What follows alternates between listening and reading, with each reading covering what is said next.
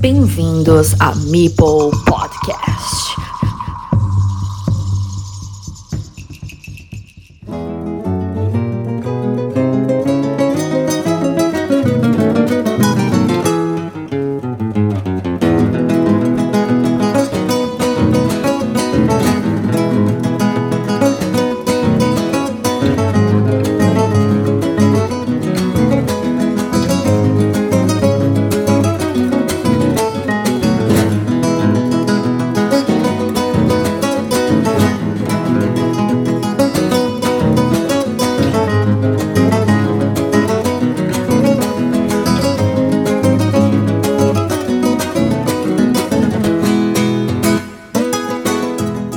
Bienvenidos a todos los oyentes de Mipel Podcast. Estamos en la tercera temporada, ya llevamos más de 80 episodios y hoy nos visita alguien especial. Alguien que debió constituirse como protagonista de uno de los episodios numerados entre el 50 y el 60. Ese 5 de septiembre que teníamos previsto quedó en blanco debido a una situación que no podremos conocer a menos que nuestro invitado así lo decida. Hoy tenemos a un mexicano ilustre, una persona muy respetada y diría un ser íntegro y honesto, un tipo sano en el alma y en la actitud. Es el actual campeón de su país y ha conseguido coronarse como tal en varias oportunidades. Hoy abrimos las puertas de Mipel Podcast a Osvaldo del Arco. Bienvenido, Piolo. Hola, ¿qué tal a todos? Es un placer estar por acá. Ya por fin se dio esta oportunidad y pues espero que todos disfrutemos de, esta gran entrevista y espero que podamos compartir información valiosa respecto a pues toda la experiencia que, he logrado con, con, este grandioso juego de mesa alemán.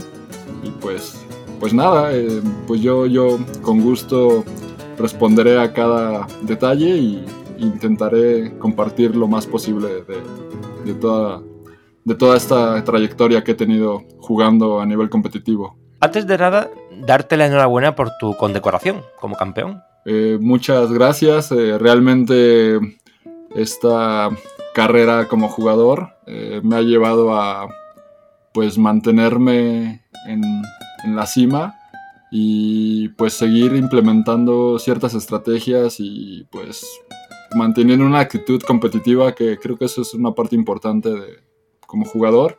Y pues lo más importante es toda la gente y los jugadores que he conocido durante este tiempo. De hecho, como una exclusiva, te comento que este año cumplo 10 años jugando Carcassonne y eso es bastante tiempo para, para un jugador y para un ser humano como yo. Y pues, pues estoy lleno de satisfacciones y en el camino también he tenido pues detalles que, que han, pues me han hecho considerar pues a veces como dejar de jugar también, ¿no? Pero lo he disfrutado bastante.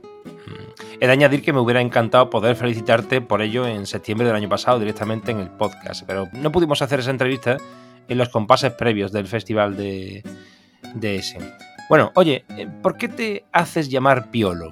Eh, bueno, este es un nickname, bueno, apodo, acá, acá, le decimos apodos, eh, que se me presentó estando muy joven, de niño, eh, tiene que ver con Piolín. Eh, es, muy divertida la parte donde se quedó en Piolo. Me decían Piolín en un principio, pero era como muy cariñoso y, pues era un pajarito amarillo, ¿no? De, la caricatura directamente.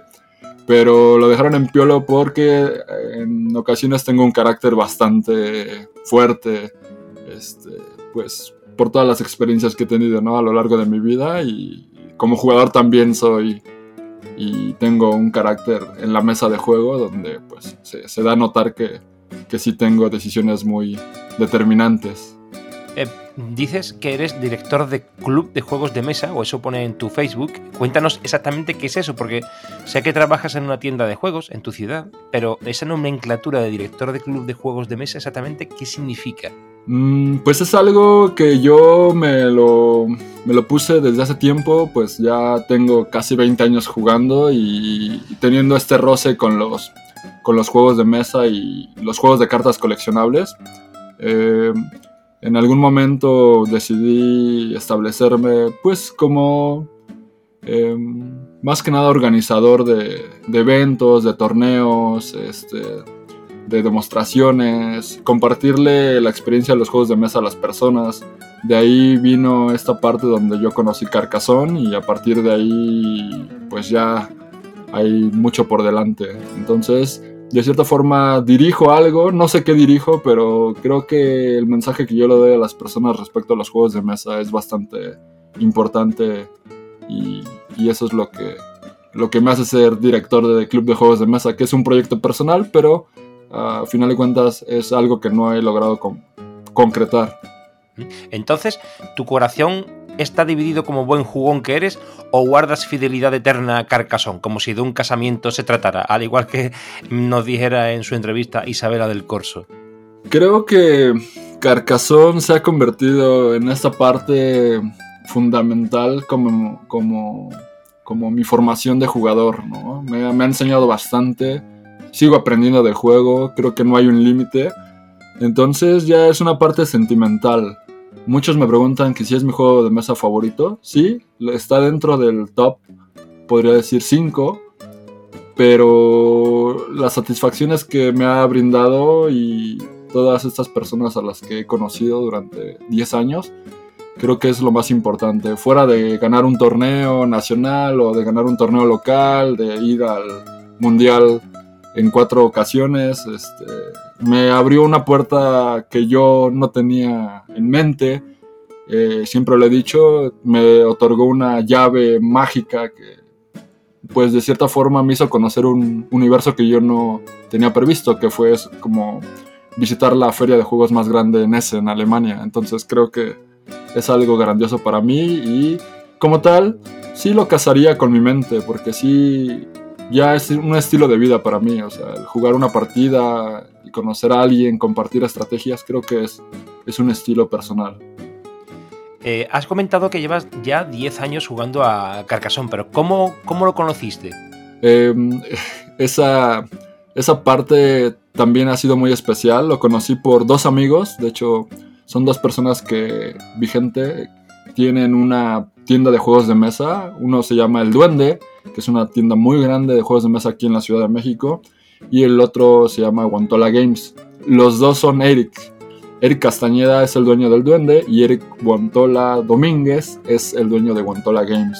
Entonces, son dos personas que aprecio mucho, que gracias a ellos conocí Carcassonne. En un principio yo quería demostrar Catán, porque Catán es mi juego de mesa favorito también, pero ellos me mostraron esa cajita azul con los meeples y las losetas y en un principio yo lo, yo lo sentía como muy simple el juego y cuando lo abrí por primera vez y, fue mi primera demostración. De ahí hicimos la, conexión que poco a poco se fue fortificando. Sí, pues háblanos, háblanos de los dos Eric, el Castañeda y el, el Wontola. Háblanos de Wontola Games y del Duende, porque tenía curiosidad de, de, saber esto, porque ya lo había leído por ahí. Y bueno, era mi pregunta siguiente, ya que lo has mencionado, pues adelante, habla de ellos lo que quieras. Bueno, eh, para empezar, el duende para mí ha sido un gran apoyo. Eh, Eric Castañeda es una persona muy noble, muy amigable, muy generoso. Eh, él también comenzó con los juegos de cartas coleccionables y después brincó a la parte de los juegos de mesa, importando juegos a México. En ese entonces era muy difícil traer juegos de mesa a México, entonces él comenzó con esta cuestión y con esta labor de, hacer eventos con juegos de mesa. Eh, de ahí me hizo una invitación, ya nos habíamos conocido previamente, a participar en demostraciones de juegos. Y en una mesa había varios títulos, entre ellos Carcassonne, y yo le dije que yo quería enseñar a jugar Catán porque Catán también me enganchó, de hecho es mi juego de mesa favorito. Y, y, a su vez también en ese tiempo conocí a Eric Domínguez, y ambos ya tenían un proyecto de tienda de juegos de mesa. Entonces, creo que como jugador, toda persona quisiera llegar a ese punto, ¿no? De tener un espacio, un lugar para poder brindarle a las personas esa experiencia de juego que, que muchos lo ven como casual y como pues una parte de pasatiempo, ¿no? Un hobby, como todos le llaman. Pero no, yo ya veo una estructura, veo pues un negocio, una experiencia que, que le puedes brindar a las personas y, y hacer un paquete completo, ¿no? Donde no solamente estén comprando o gastando dinero en juegos, sino también experimentando y conociendo a gente nueva, que creo que esa es la parte importante de estos lugares.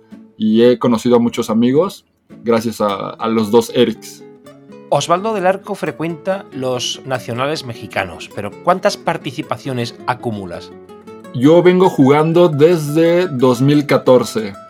En 2013 eh, fue el primer nacional de Carcasón en México, incluyendo Catán. Eh, sí me enteré, pero por cuestiones personales no pude asistir a Catán. Carcasón todavía no lo jugaba, lo había visto, pero la verdad no sabía ni qué era. Y en 2014 fue mi primer acercamiento en este evento que conté previamente con, mis amigos.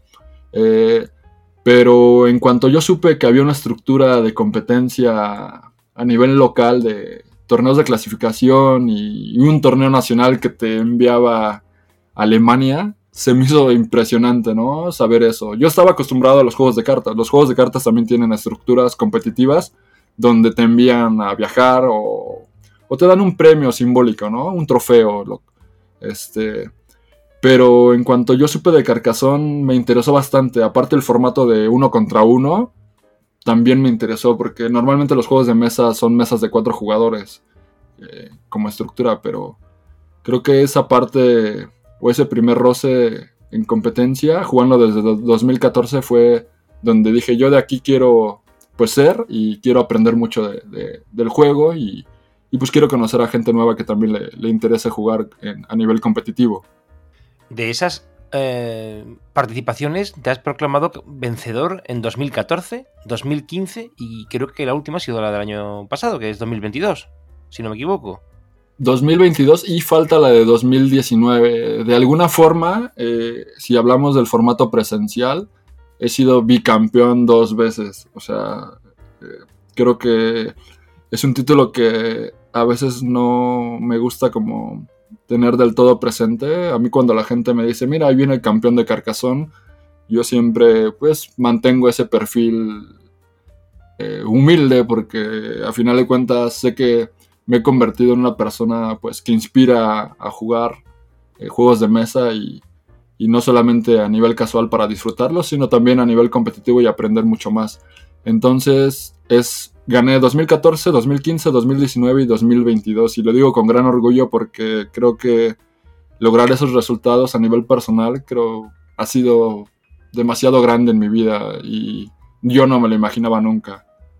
Dime una cosa, cuando alguien quiere tirar de palmarés de los nacionales de cada país, se hace complicado porque no hay un lugar claro donde encontrar estos datos en Internet. ¿Qué pasa con la información sobre todo de, esto? ¿no? Los, organizadores no tienen capacidad para escenificar en un sitio web todo lo que acontece alrededor de aquellos eventos que organizan ellos mismos? ¿Lo tienen que dejar todo a la, volatilidad de, las redes sociales? Porque claro, ahora está todo ahí, pero dentro de cinco años pues, no sabes dónde buscar. ¿Qué piensa de esto?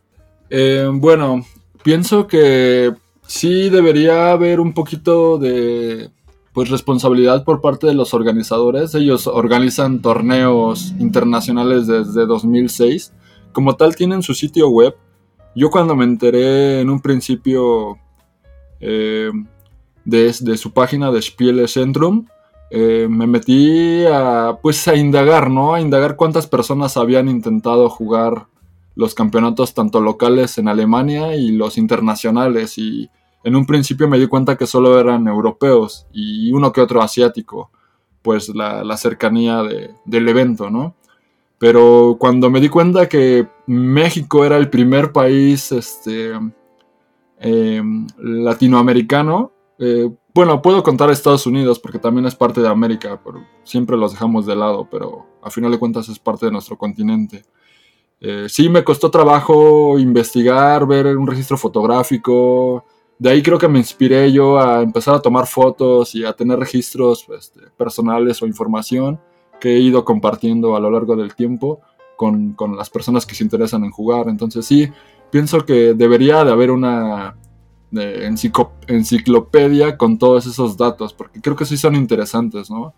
Eh, a, una, a, un jugador creo que sí le, importa mucho saber o, ver estos números, ¿no? De, para ir creciendo como, como jugador. Entonces, eh, al inicio fue difícil encontrar la información, pero ya sobre el paso del tiempo, pues fui conociendo a más personas, entonces de ahí me fui retroalimentando respecto a los resultados de otros países. Claro, pero es esto, no, no existe una base común donde puedas eh, averiguar de alguna manera cuáles han sido los torneos que se han ido disputando a lo largo de los años y estudiar un poco cuál ha sido el devenir de cada uno de los jugadores, sino que no sabes si te pones a buscar en, México, no sé si habrá alguna página, no sé si tú la sabes, pero eh, pasa también en España que como no mires la Wikipedia, que tal vez si hay algo expresado, no ves, no, no puedes intuir eh, bueno, cuáles han sido los campeones o subcampeones y cuál ha sido el listado de participantes. Es imposible. O sea, no, no, no hay una base de datos exacta, por eso te lo, te lo preguntaba. Y pasa en todos los países. Así que, bueno.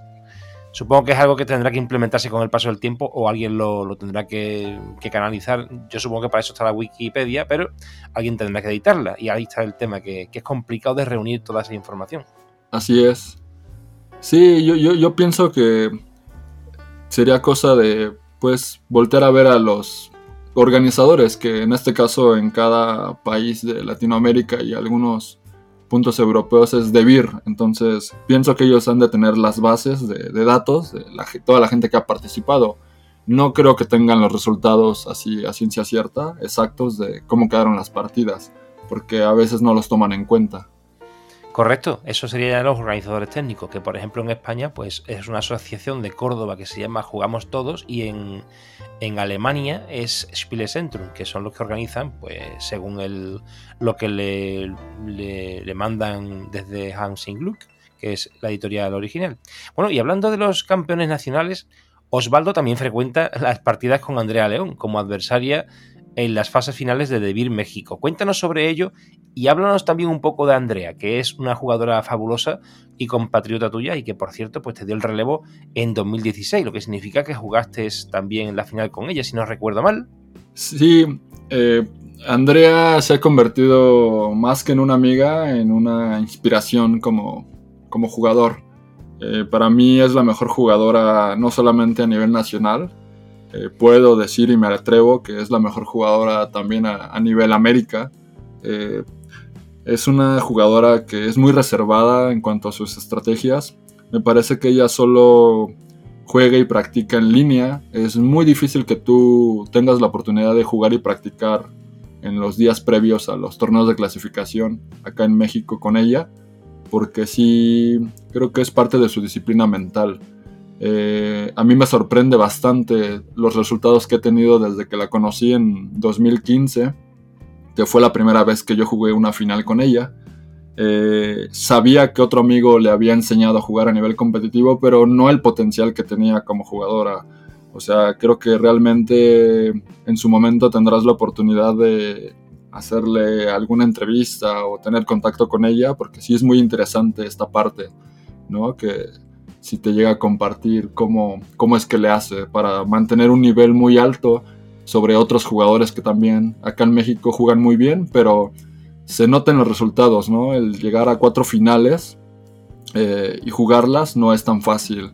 Muchos piensan que pues uno siempre está jugando lo mismo y haciendo lo mismo y, y no toman en cuenta pues tu personalidad, tus planes, todo lo que, todo lo que haces fuera de los juegos de mesa, ¿no? Que también repercute a veces y cuesta trabajo. Entonces yo a Andrea la admiro. Andrea León es una gran jugadora, una gran ser humano. Yo le digo siempre que es una meeple espacial y especial para mí en mi vida porque eh, más allá que seamos amigos, eh, me inspira a hacer cosas grandes, ¿no? A seguir aprendiendo y disfrutando esto, que al final de cuentas es nuestra conexión.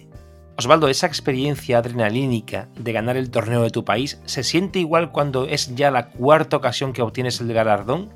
Sí, es una presión y un compromiso bastante grande. Quizás no se aprecia o no se siente, ¿no? Cuando llega la temporada de torneos yo intento hacer que las personas se interesen en ir a jugar. Es muy complicado, ¿no? Acá en México no tenemos una gran plantilla de jugadores pero eh, es un reto también muy grande y yo se lo digo a todo mundo. Eh, no es fácil jugar a nivel competitivo porque a final de cuentas tienes que tener una disciplina, tienes que tener el tiempo, tienes que tener las energías mentales para estar al 200% en un torneo. Eh, la suerte también tiene que ver, pero la suerte no te hace ganar. O sea, sí tienes que tener una metodología eh, personal y colectiva, porque al final de cuentas tienes que aprender de los demás. El lograr un cuarto campeonato, eh, para mí en un principio pues era pues muy emocionante, ¿no? Pero después lo fui asimilando y, a final de cuentas em, siempre lo voy a decir, ¿no? Eh, aquí no hay que ser mejores que los demás. Creo que el rival a vencer es tú mismo. Eh, tú mismo te, te, pones esos, esas metas, ¿no? Y creo que no hay un límite en eso. Si logras un campeonato por mérito propio, o, o, si estuviste practicando con tus amigos, a final de cuentas va a ser tu, tu resultado personal, ¿no? Y ese es tu parámetro ante los demás. Eh, creo que ahora en este punto te puedo decir que sí, me siento muy orgulloso, satisfecho y feliz de haber logrado esto, estos números, ¿no? Y quisiera seguir ganando. La verdad es que yo quisiera seguir ahí en la punta, pero también me gustaría que otras personas experimentaran lo que yo. Y desde siempre he estado abierto a, compartir esto y pues no solamente es mi triunfo, yo a mí me, me, gusta compartirlo y me gusta decir que soy el representante de México, porque somos una comunidad y, y he aprendido de todos a la vez. Eh, ¿Qué te genera más emoción al proclamarte campeón? ¿La propia mención y sentimiento de serlo, de ser el número uno de México, o el hecho de saberte participante de esa maravillosa fase final mundial en Essen? ¿Qué te pone más nervioso? de hecho, las cuatro veces que, he ido para allá ha sido como la primera vez.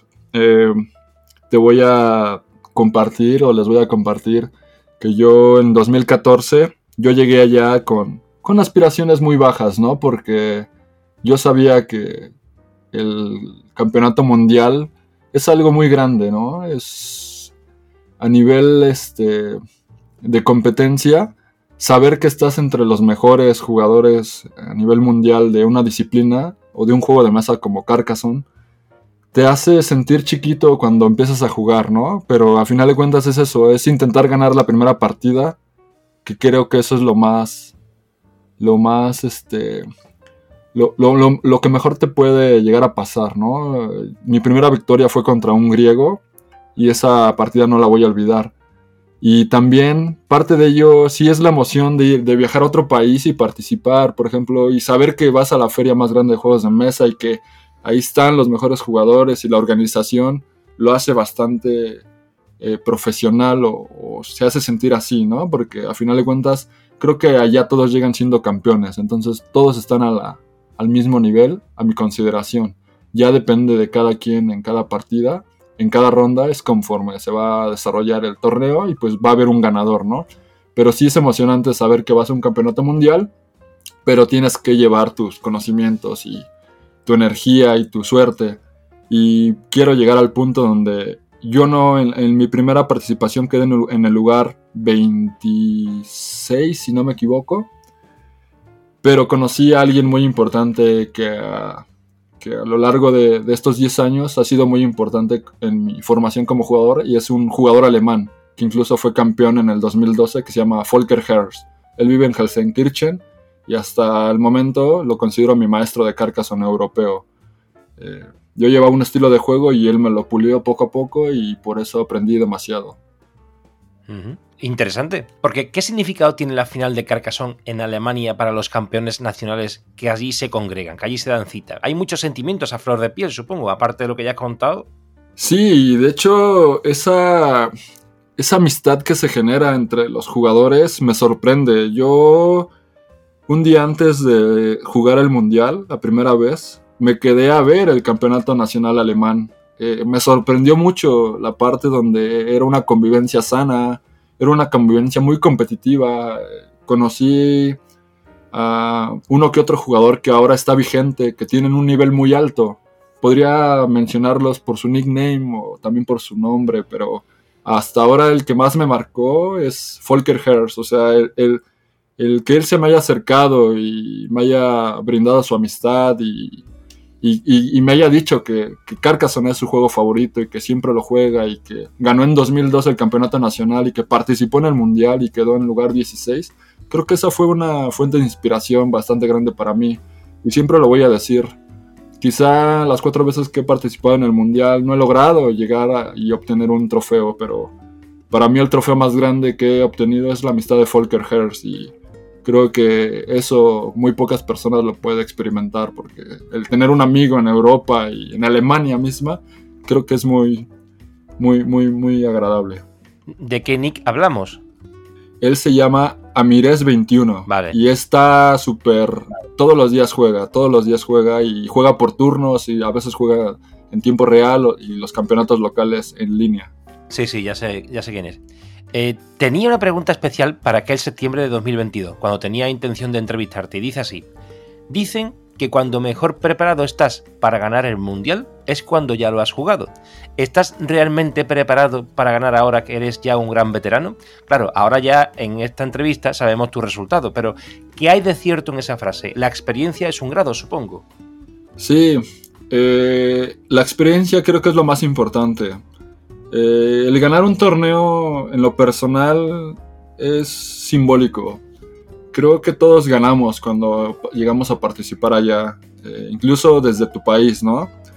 El conocer a personas nuevas, el, generar amigos, el conocer estrategias, esa retroalimentación en general que, uno percibe, que a veces no logra asimilar porque, pues de cierta forma cada uno tiene sus, sus retos.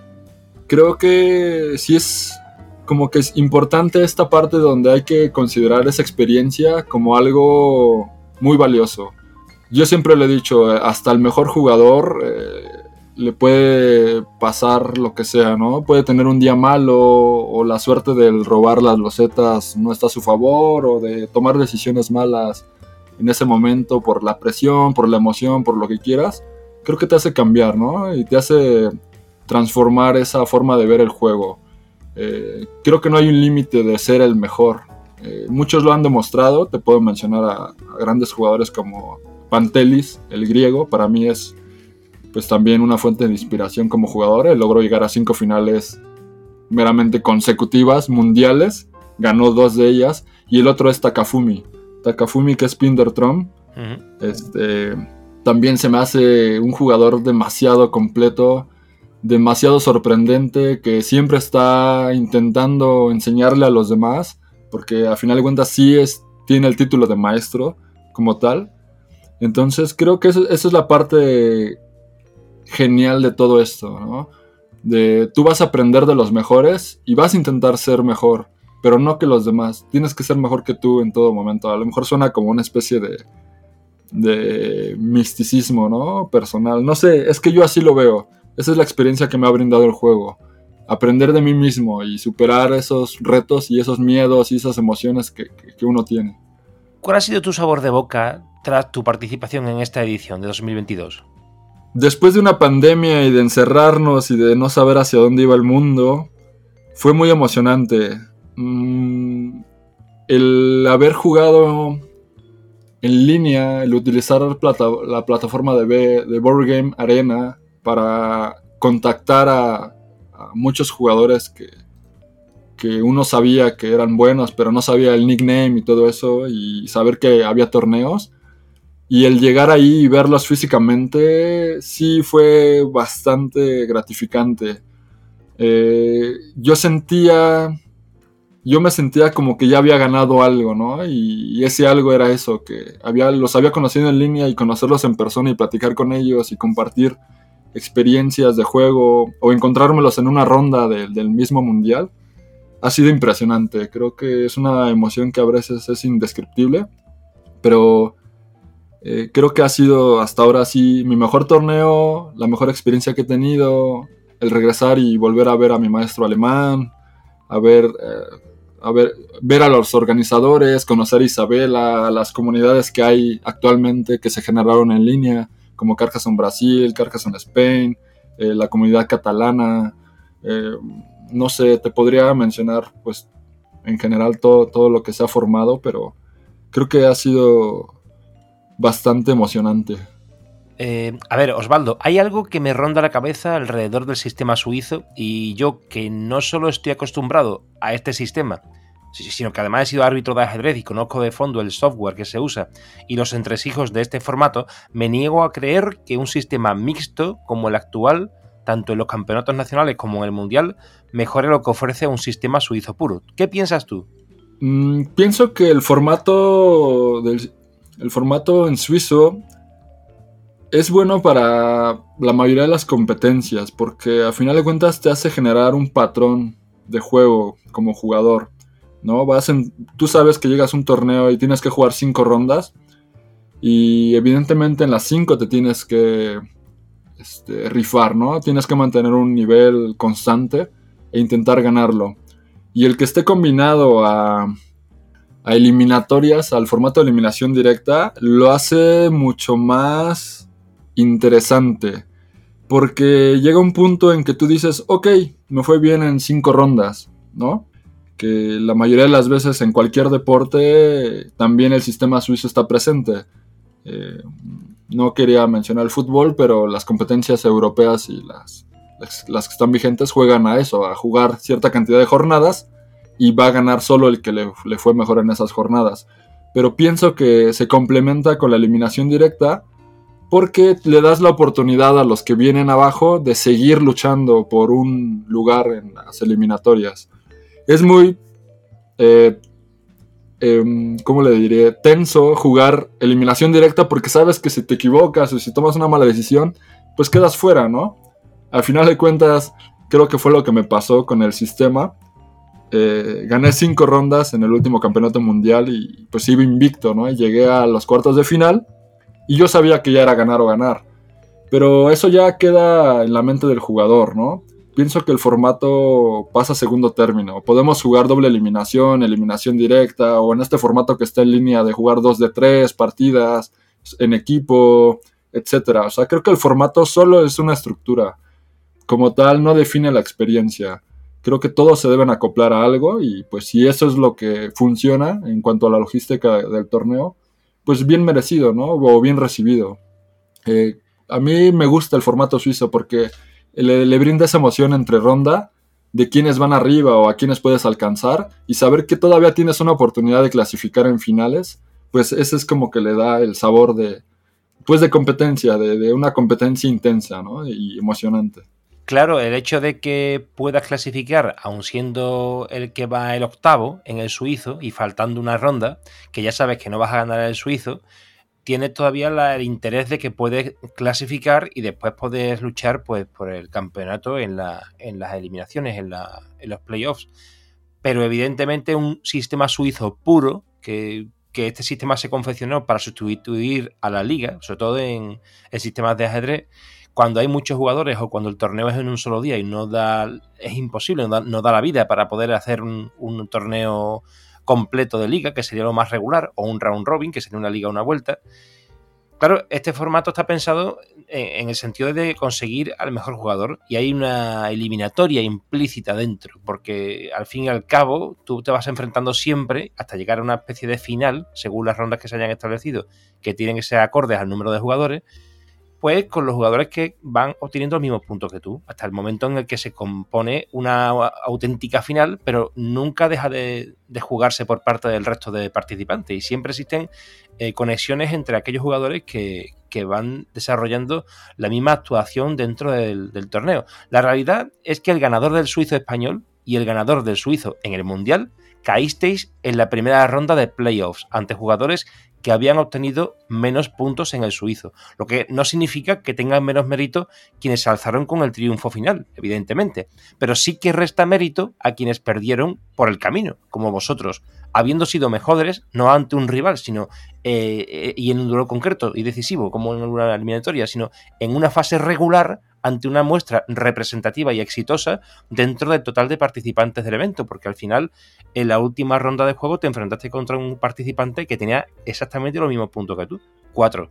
Y le pasó lo mismo a, David Escribano en el Nacional. Y esta pregunta va dirigida un poco al enfoque de que yo tengo la perspectiva, ya que vengo del ajedrez, pues del sistema suizo puro y ver una mezcla del suizo con la eliminatoria, lo entiendo, lo respeto, pero soy de la, de la parte de personas que piensan que debería de establecerse un suizo bien estructurado, bien argumentado, evidentemente, pero la perspectiva de los jugadores de Carcassonne que ven el suizo como una antesala a los playoffs, yo no la veo. Y, es de aquí donde te, te hago esta, esta consulta porque además tú has sido precisamente una persona que lo ha vivido como habían comentado. Sí, así es. Pienso que sí tienes en parte razón por la, la, experiencia. Creo que el ajedrez también es un parámetro enorme, ¿no? En cuanto a los juegos de mesa. Tengo amigos ajedrecistas acá en México que también solo juegan en rondas y pues gana el que mejor, eh, el mejor rendimiento durante el torneo en esas rondas. Y tienen, tienen de cierta forma buenos medidores, ¿no? Para hacer los, los desempates en cuanto a en cuanto a victorias. Pero, pero más allá de que sea justo o injusto, creo que es eso, ¿no? Eh, creo que cualquier jugador debería prepararse para ese momento, ¿no? sin importar el formato. El formato, a final de cuentas, es una estructura y hay que seguirla, ¿no? Eh, básicamente viene parte en el paquete de la competencia. Pero el saber que eh, si te llega a ir mal en las primeras rondas y tener ese aire de seguir luchando y, poder estar en un top, al final de cuentas pareciera que vas a quitar a la, a la gran parte de los jugadores, ¿no? Y que no, van no va a importar cómo les fue.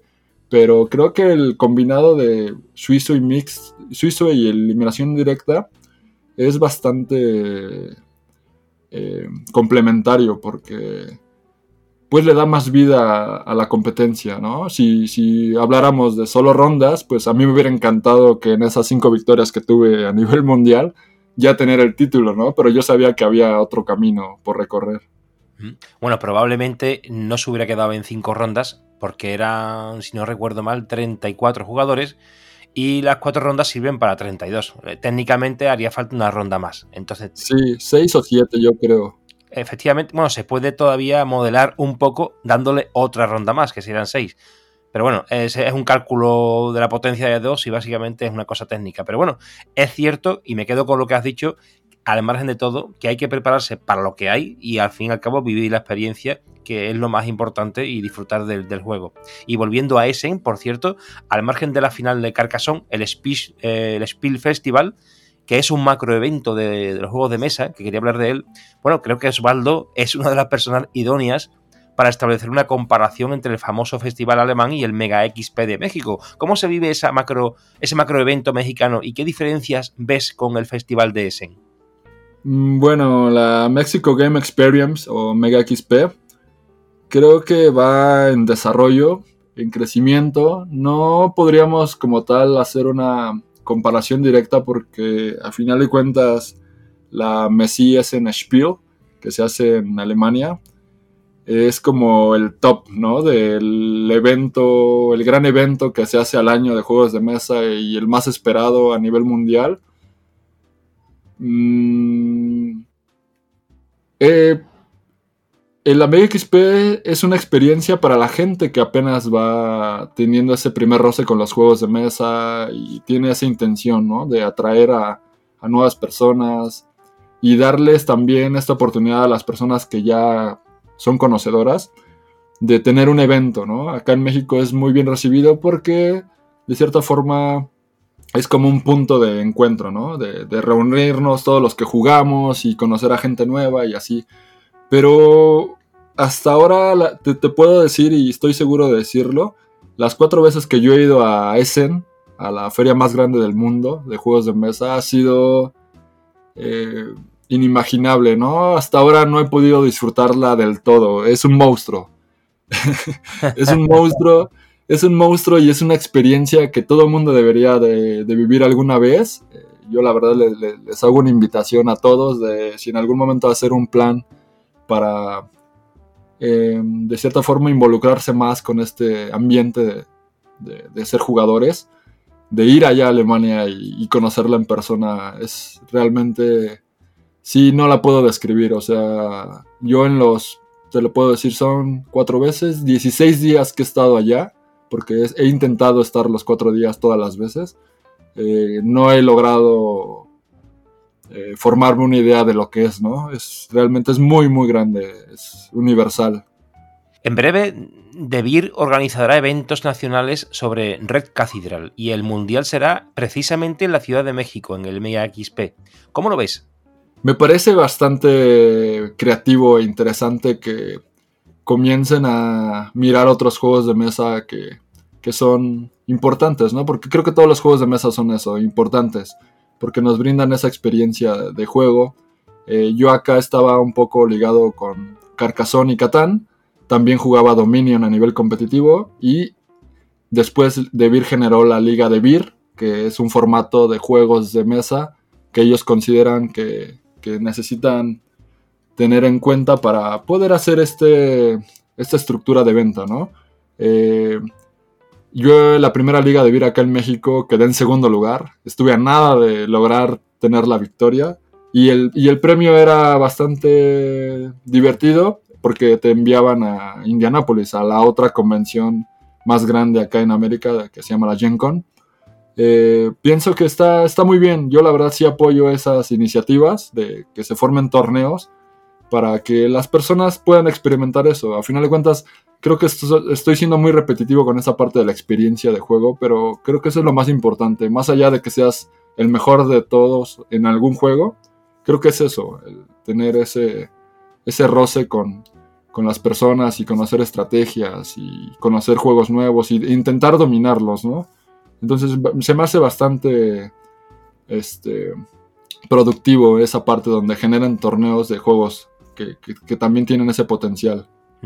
¿Sabes jugar al, Red Cathedral? Sí, es un juego que enseño a jugar bastante en mi zona de trabajo. Bueno, como ya lo habías comentado, pues yo trabajo en una tienda de juegos acá en la Ciudad de México, en Raven Folks. Está ubicado en la zona centro.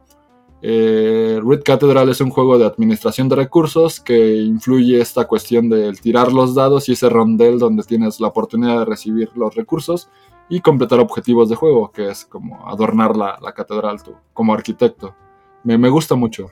Recuerdo una entrevista tuya en el canal portugués Ciudad Curiosa en YouTube. He leído también otras tres entrevistas para el blog La Plaza de Carcassonne, que por cierto ya clausuró César. También vi un vídeo tuyo con la charla y partida ante Lucas, el pitufo dado vuelta, y con Ariel, el jugador Z, de moderador o copresentador.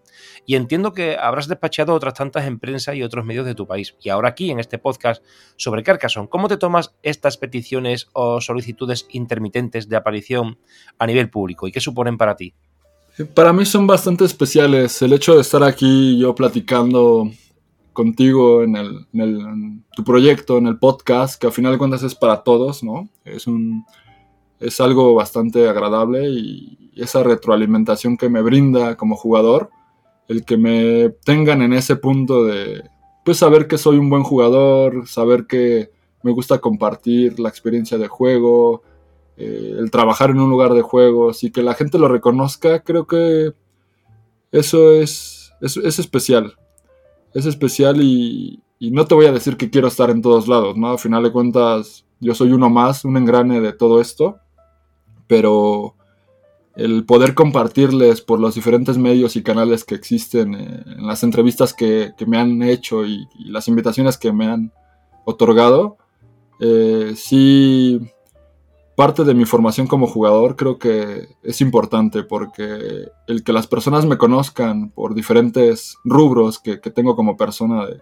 soy jugador y aparte mi labor es enseñar a jugar y, y pues también es, pues también me, me, esta retribución que me da, que también puedo obtener dinero porque pues a final de cuentas me pagan por, por ello, entonces creo que, creo que está bien, ¿no? Eh, eh, me, hace, me hace sentir bastante orgulloso y feliz, ¿no? Las menciones que me hacen y, el que reconozcan lo que soy, ¿no?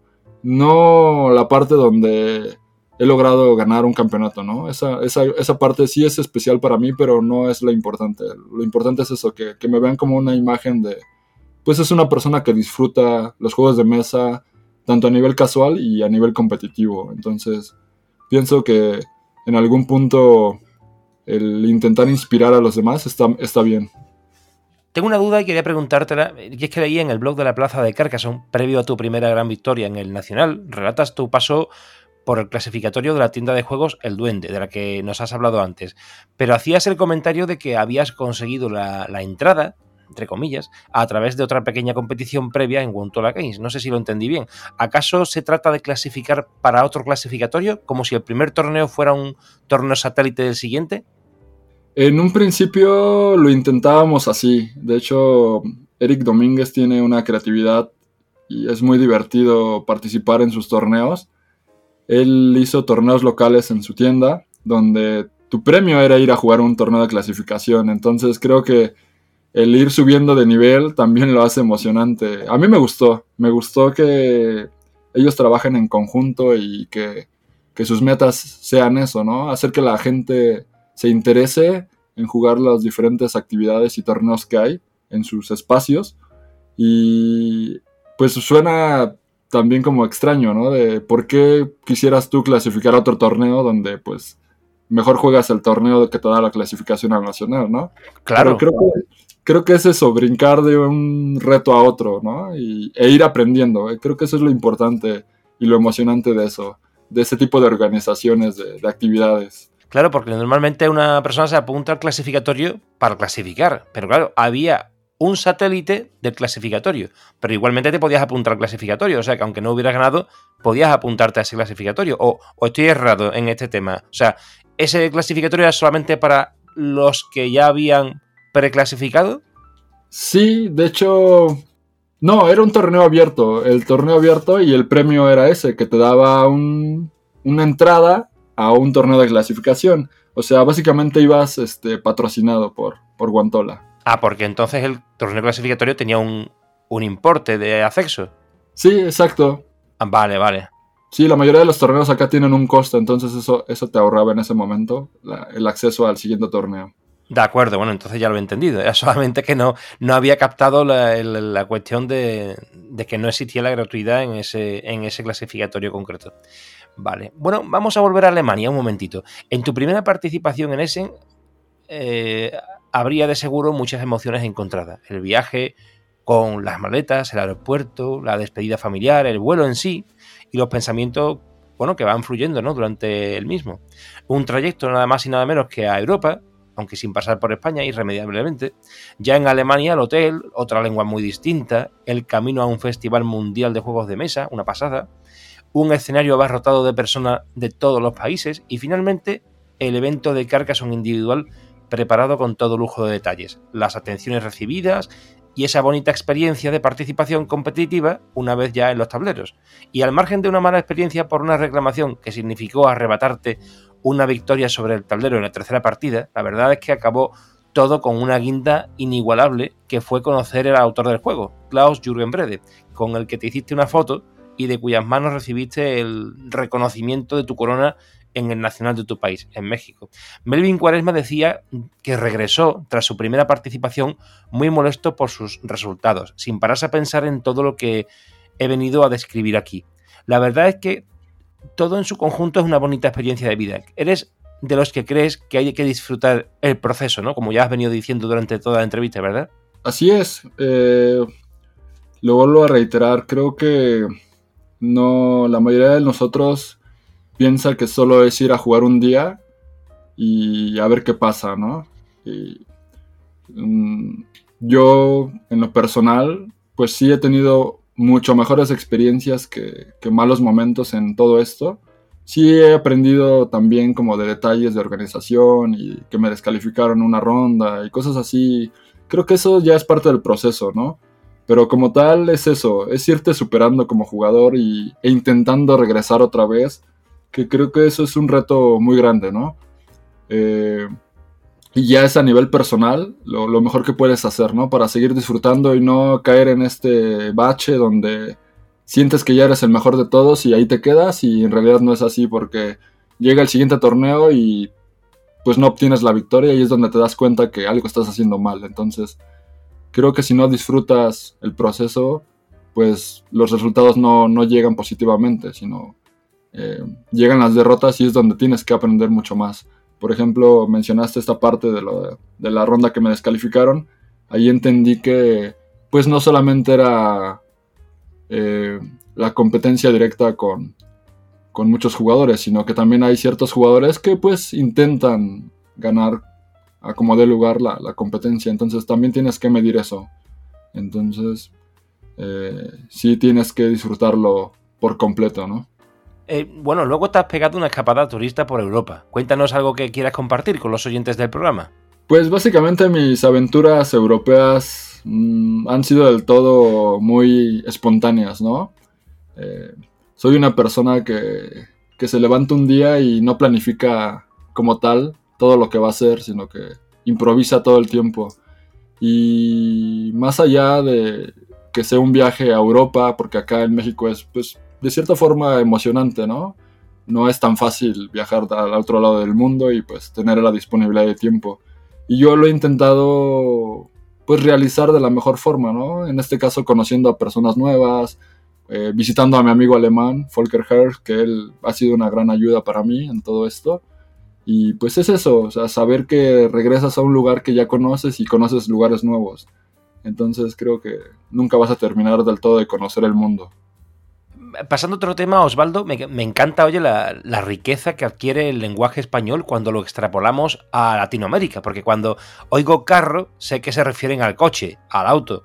Platicar, que es conversar o charlar.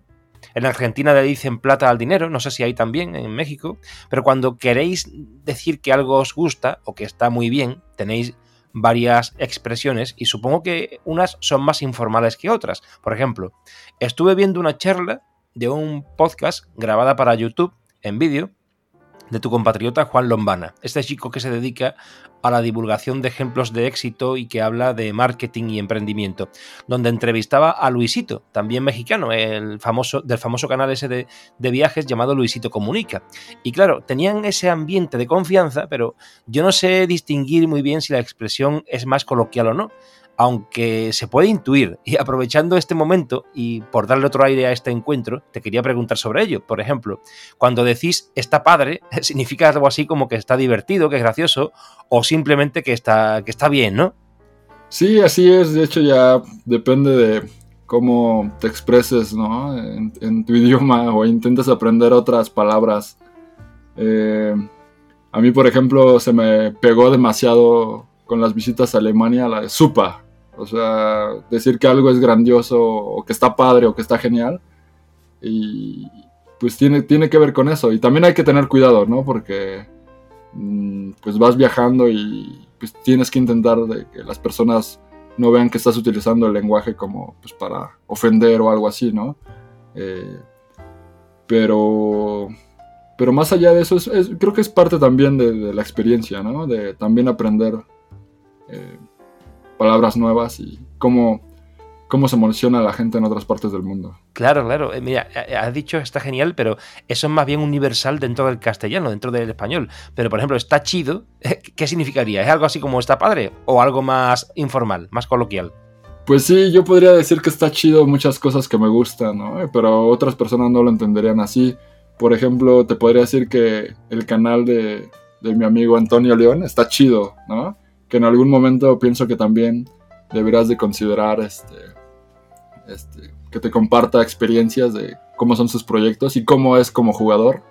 Es otra persona que también admiro bastante, eh, más allá de que me ayude con estas cuestiones tecnológicas. Entonces, hay cosas muy chidas acá en México y muchos proyectos y muchas personas que le están echando ganas para difundir la, la cultura de los juegos de mesa y de videojuegos y de cuestiones que nos gustan. Bueno, no lo sabe la audiencia porque no lo hemos comentado directamente en la grabación de este post, de este, de este audio, ¿no? Pero eh, bueno, esta es la casa de Antonio y Andrea, Antonio León y Andrea León, eh, grabando ahora mismo con nosotros. Así es. De hecho, ya, ya es como el cuartel de, de grabación y de, de, de, hacer genialidades y improvisar cosas, cosas nuevas y emocionantes para poder compartir experiencias. De hecho, pues a ellos los considero ya grandes amigos desde, desde tiempo atrás, desde 2015 si no me equivoco, cuando éramos unos jóvenes jugadores en proceso de aprendizaje y a final de cuentas ya somos rivales de mesa, ¿no? Cuando llega su momento, porque en nuestros tiempos libres intentamos jugar y compartir experiencias, pero hablando de Carcassonne en específico, eh, también nos apoyamos mucho en entrenar y practicar los días que, que hay tiempo. Eh, a ver, dos palabritas más antes de, de, cerrar esto del vocabulario. Está chingón y está cabrón. Aunque esta última en español, aquí en España es más un insulto o una palabrota, pero bueno, la gente también lo utiliza en plan coloquial. Chingón viene de la mano de chido, de genial. Cabrón ya es cuando ya es un problema. Ya cuando estás hablando de, de, palabras mayores. Por ejemplo, si estás abajo en la partida, pues vas a decir, está cabrón darle la vuelta al otro jugador. ¿no? y la otra lo utilizas como está chingón porque ya le voy a ganar, ¿no? Entonces, vale, vale. Esa es la diferencia. Sí hay. Están contrapuestos, ¿no? O sea, está chingón hay, es lo contrario que está cabrón.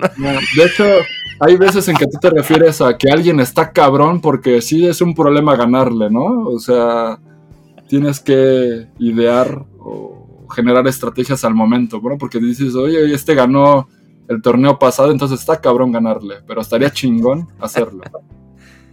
Bien, bien, bien. Bueno, y lo del güey, ¿no? Que es como el tío en español. Oye, tío, oye, güey, ¿no? Sí, yo no lo utilizo mucho. La verdad, soy una persona demasiado conservadora, coloquial. Cuando me expreso ante las demás personas, siento que ese respeto que yo tengo por las personas es muy distinto a lo que todo el mundo hace acá no me gusta utilizar la palabra güey para referirme a alguien que aprecio o que, o que quiero, ¿no? Eh, o que quiero aprender algo de esa persona, ¿no? No le voy a decir, oye, güey, enséñame esto, ¿no? No. Eh, intento conocerlos por su nombre o su nickname o su apodo o lo que sea, pero con respeto, ¿no? Sí, porque no es que no es que digamos sea despectivo, pero sí que no es muy respetuoso tampoco, ¿no? Sí, no, no, eh, ya es como esa sí, sí pasas del límite de confianza, ¿no? Si tú llegas con alguien que no conoces y le dices güey, pues la persona así se queda viéndote así como extraño, ¿no? Pero pues es normal, ¿no? A final de cuentas son las palabras actuales que muchos utilizan y pues es válido también, ¿no? Porque es esa parte donde pues estás en confianza con alguien. Bueno, ¿y alguna otra expresión que, que, a ti te resulte curiosa de tu, bueno, de allí de México, que sea utilizada de manera común y que, no sé, a lo mejor nosotros no estamos acostumbrados. Puedes hacer menos al de enfrente, ¿no? El decirle acá la palabra pendejo, te pasaste de pendejo, cosas así. Cuando estás en problemas y sientes que el otro ya está haciendo mejor que tú, pues sí, también lo insultas, ¿no? A lo mejor en tu mente, pero incluso he sabido de donde estamos jugando en torneo y todo así, que sí, que sí se dicen sus palabras. Pero pendejo es una, una expresión acá también muy común también para molestar a tus amigos y cosas así. Cuando sabes que estás haciendo malas cosas en una partida de juego, no solamente en Carcassonne, pues le dices, no, pues estás medio pendejo, ¿no? Entonces, aplícate más. Mm. ¿Había algún pendejo en Essen? Eh, no, no lo sé, no lo sé, la verdad no quise averiguarlo, pero... Bien, bien. Bueno, hubo uno en 2014, que sí lo recuerdo, porque lo leí, así que bueno, supongo que queda como experiencia. Eh, Osvaldo del Arco Juárez, tu segundo apellido no puede ser más mexicano, porque claro, hay una ciudad de México que se llama Ciudad de Juárez. Sí, tiene que ver un poco esta, con esta cuestión política de Benito Juárez, que fue uno de los, pues básicamente políticos que intentaron generar esta parte agradable de la política, ¿no? No, no sé si es mi familiar directo, pero pues a final de cuentas me conocen más por Del Arco. Eh, pues así es como me hago llamar en, en Game Arena y en cualquier nickname que pueda tener, ¿no? Realmente yo nunca he usado un apodo como tal, como jugador. En ocasiones sí, ¿no? Me pongo piolo, pero sí intento que mi nombre esté ahí presente, Osvaldo del Arco tal cual. Pero Juárez es así como secundario, ¿no? Es solo político. Que digo que a este ritmo de éxitos que llevas con Carcassonne, si ganas algún día el Mundial, podrían rebautizar con tu nombre y tu primer apellido, pues alguna ciudad de, del Estado de México. ¿Te imaginas? Ciudad del Arco o Ciudad de Osvaldo del Arco. Para mí sería mejor ponerle Mipel Rojo. El Mipel Rojo viene en camino. Algo así. Sí, no. No, de hecho, te doy como la exclusiva. Eh, ya este es mi último año jugando un campeonato nacional. Me voy a dedicar solo a entrenar y practicar con la gente que, que está a mi alrededor y que se interese en la competencia. Solo voy a jugar el campeonato nacional en julio Sí, es donde, está, donde va a ser la Mega XP y dependiendo mis resultados, ya no tengo considerado viajar para competir. Eso ya va a ser aparte. Ajá. Pues esto sí es una exclusiva. Sí, ya, y te lo, te lo comparto porque es información que he estado generando acá con, con mis contactos y amigos. Entonces, eh, creo que ya 10 años son bastantes y pues voy a seguir disfrutando el juego, pero ya a nivel, a nivel casual, a nivel de, de a nivel amistoso. Bueno, Osvaldo, para ir acabando, eh, dinos para ti qué valor tiene el mundo online de los juegos de mesa en general, no solo en lo relativo a Carcassonne y a la Board Game Arena en particular, sino hablo de plataformas y del valor que puede tener para ti el juego en Internet. Pues las plataformas en línea son muy funcionales para cuando no puedes tener el contacto con las personas. Creo que tienen un valor eh, bastante amplio. Eh, ahorita el claro ejemplo fue la pandemia, ¿no? Que durante, se paró el mundo, pero nosotros no nos paramos de, jugar. Entonces siento que las plataformas de cualquier índole, como Board Game Arena, este... Ahí se me fueron los nombres de las otras. Eh, bueno, cada juego a veces tiene su, plataforma individual, como Asmodee lo, lo, genera. Por ejemplo, yo jugaba en Carcassonne, la de los Zetas y estrategias, algo así y en una de Carcassonne pasada que solo era jugar por jugar. Entonces, es, es bastante, bastante bueno que exista, ¿no? Porque a final de cuentas esa es la conexión que tienes con la gente que no ves físicamente. Y yo en un principio pues siempre he estado peleado con la tecnología, no me gusta jugar en línea, la verdad, no soy un jugador que, que se pone mucho tiempo frente a, a un celular o, bueno, a un móvil o a un ordenador, entonces creo que es una herramienta eh, muy buena para, la mayoría de las personas que, lo hacemos. ¿Qué jugadores, bueno, si te asusta alguno, qué jugadores te asustan literalmente cuando juegas contra ellos en, en BGA? Aunque no juegues mucho, eh, pero ¿cuáles te causan más respeto? Y aquí me refiero directamente a Carcassonne. Pues, como número uno, para mí los jugadores japoneses creo que son el punto máximo de aprendizaje. Al saber que tienen su, como su escuela y, y conocer los, los nicknames de los campeones mundiales y todo el equipo que generan y, esta cuestión de competencia en equipo que, se ha hecho. Los jugadores japoneses son muy buenos. Eh, ya tuve la oportunidad de jugar con Pindertron, que a final de cuentas yo jugué con él en el campeonato del 2019 en ronda y pues me ganó. Pero también otro que disfruto mucho jugar con él es con Pantelis. Eh, Dark Passenger, creo que es su nickname para mí es el mejor jugador a nivel mundial en cuanto a sus resultados. Y otro que disfruto mucho yo jugar con él, que es con Amires 21, que es mi, maestro alemán y mi amigo de todo este tiempo. Y otra jugadora que me encantaría siempre jugar con ella es con Andrea León, pero creo que, como te había comentado, es muy reservada respecto a jugar. Este, pero a ella la disfruto cuando yo me la encuentro acá en, pues en, su casa y jugando y, en los torneos. Otro que te podría mencionar, que sí es muy fuerte, es Alexei. Este jugador de Letonia.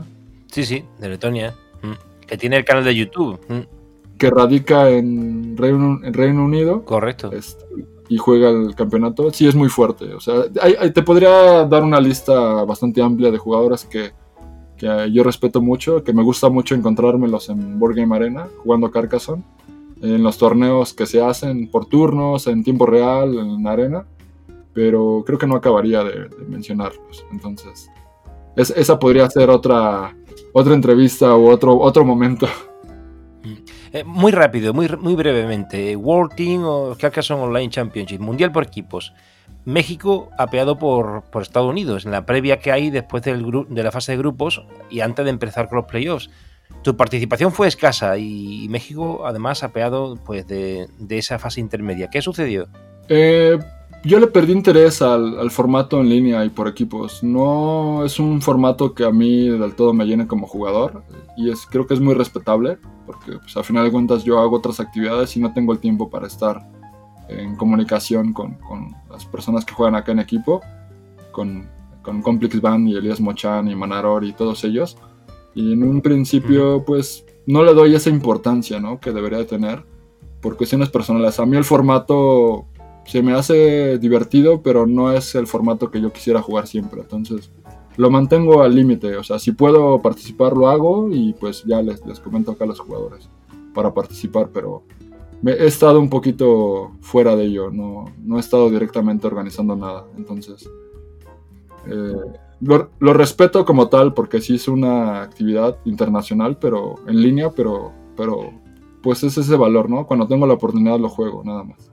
Bueno, vamos finalizando la charla, pero quería preguntarte algo complicado. Lo que pasa que, claro, esta pregunta ya eh, quizás no, no la puedas responder como yo pensé en un primer momento, porque me acabas de dar la exclusiva esta de que vas a finalizar este año con tu participación ya en, los internacionales de Carcassonne. Es decir, si ganas el. Bueno, todavía tiene sentido la pregunta, porque si ganaras el nacional, y aquí te hago la pregunta, ¿cederías tu plaza para que otra persona viviera la misma experiencia que tú ya has tenido la oportunidad de vivir, hasta en cuatro ocasiones, o te puede la adrenalina y la pasión y va a ser que no? ¿Quieres ir a ese en otra vez? No, ya estoy seguro de ello. O sea, voy a dar lo mejor de mí y si llego a quedar en la final otra vez y jugar la final, eh, voy a, por respeto al otro jugador o jugadora, eh, voy a dar lo mejor y si llego a ganar y si se llega a dar la quinta estrella, pues qué mejor para mí, pero sí voy a cederlo, definitivamente. No me voy a dejar llevar por esta parte emocionante donde pues ganas un viaje y esa experiencia, pero no, ya, ya lo tengo definido. Muchos me, me critican esa parte y dicen que no lo voy a lograr, pero ya lo tengo definido y así va a ser. Incluso puede que no juegue el Nacional, o sea, todavía no lo decido. Muy bien. ¿Quieres contar algo que te parece interesante y por lo cual no te haya preguntado? Pues por el momento creo que ya mm, les compartí bastante, creo que sería bueno también tener como una segunda secuela posteriormente, hablando como más de estrategias y cosas y esas cuestiones. Eh, creo que ya estoy satisfecho con lo que me has preguntado y, les he compartido para que conozcan un poco de mí y pues me dará gusto que muchas personas me escuchen y pues muchas gracias por la, por la invitación. Realmente es un proyecto que he seguido desde que me hiciste la invitación y, y, va en crecimiento y te felicito por este espacio que le brindas a los jugadores para compartir sus experiencias. Es muy grato escuchar a gente que he visto en línea y que no conozco en persona, pero escucharlos acá de viva voz es bastante emocionante y divertido. Pues muchísimas gracias a ti por, por estar aquí. Eh, así que te felicito una vez más por tu campeonato, agradecer tu presencia en este espacio y sin duda, pues más vale tarde que nunca, que te, esperaba en aquel septiembre, pero te tenemos aquí en febrero. Igualmente te tenemos aquí. Dile a Andrea que después de Liam Mochan y, y Osvaldo del Arco, le va a tocar a ella dentro de poco. Espero que acceda, le voy a pasar tu mensaje y la invitación y te la pongo en contacto y ya tú intentarás convencerla porque te digo que es una persona bastante inteligente, reservada y pues de cierta forma ella disfruta su, su experiencia muy personalmente. Bueno, pues un abrazo Osvaldo y, y, hasta pronto. Muchas gracias. Hasta pronto, muchas gracias. Saludos a todos, abrazos de Meeple, como siempre les digo. Este, sigan jugando y disfrutando a Carcassonne. Un abrazo de Mipel, como dice Osvaldo, y nos vemos en el siguiente episodio de Mipel Podcast. Recordad que lo tenéis siempre en Evox, en Spotify, en Google Podcast, Apple Podcast, Podimo, Amazon Music y Deezer. También en la web matriz de elcarterodecarcason.com, donde también encontraréis enlaces a los youtubers habituales de Carcassonne y recursos sobre nuestro juego favorito y además el blog Carcassonne Connection. También tenéis eh, Mipel Podcast abierto eh, en Patreon Así que, bueno, pues hasta pronto, hasta el próximo episodio.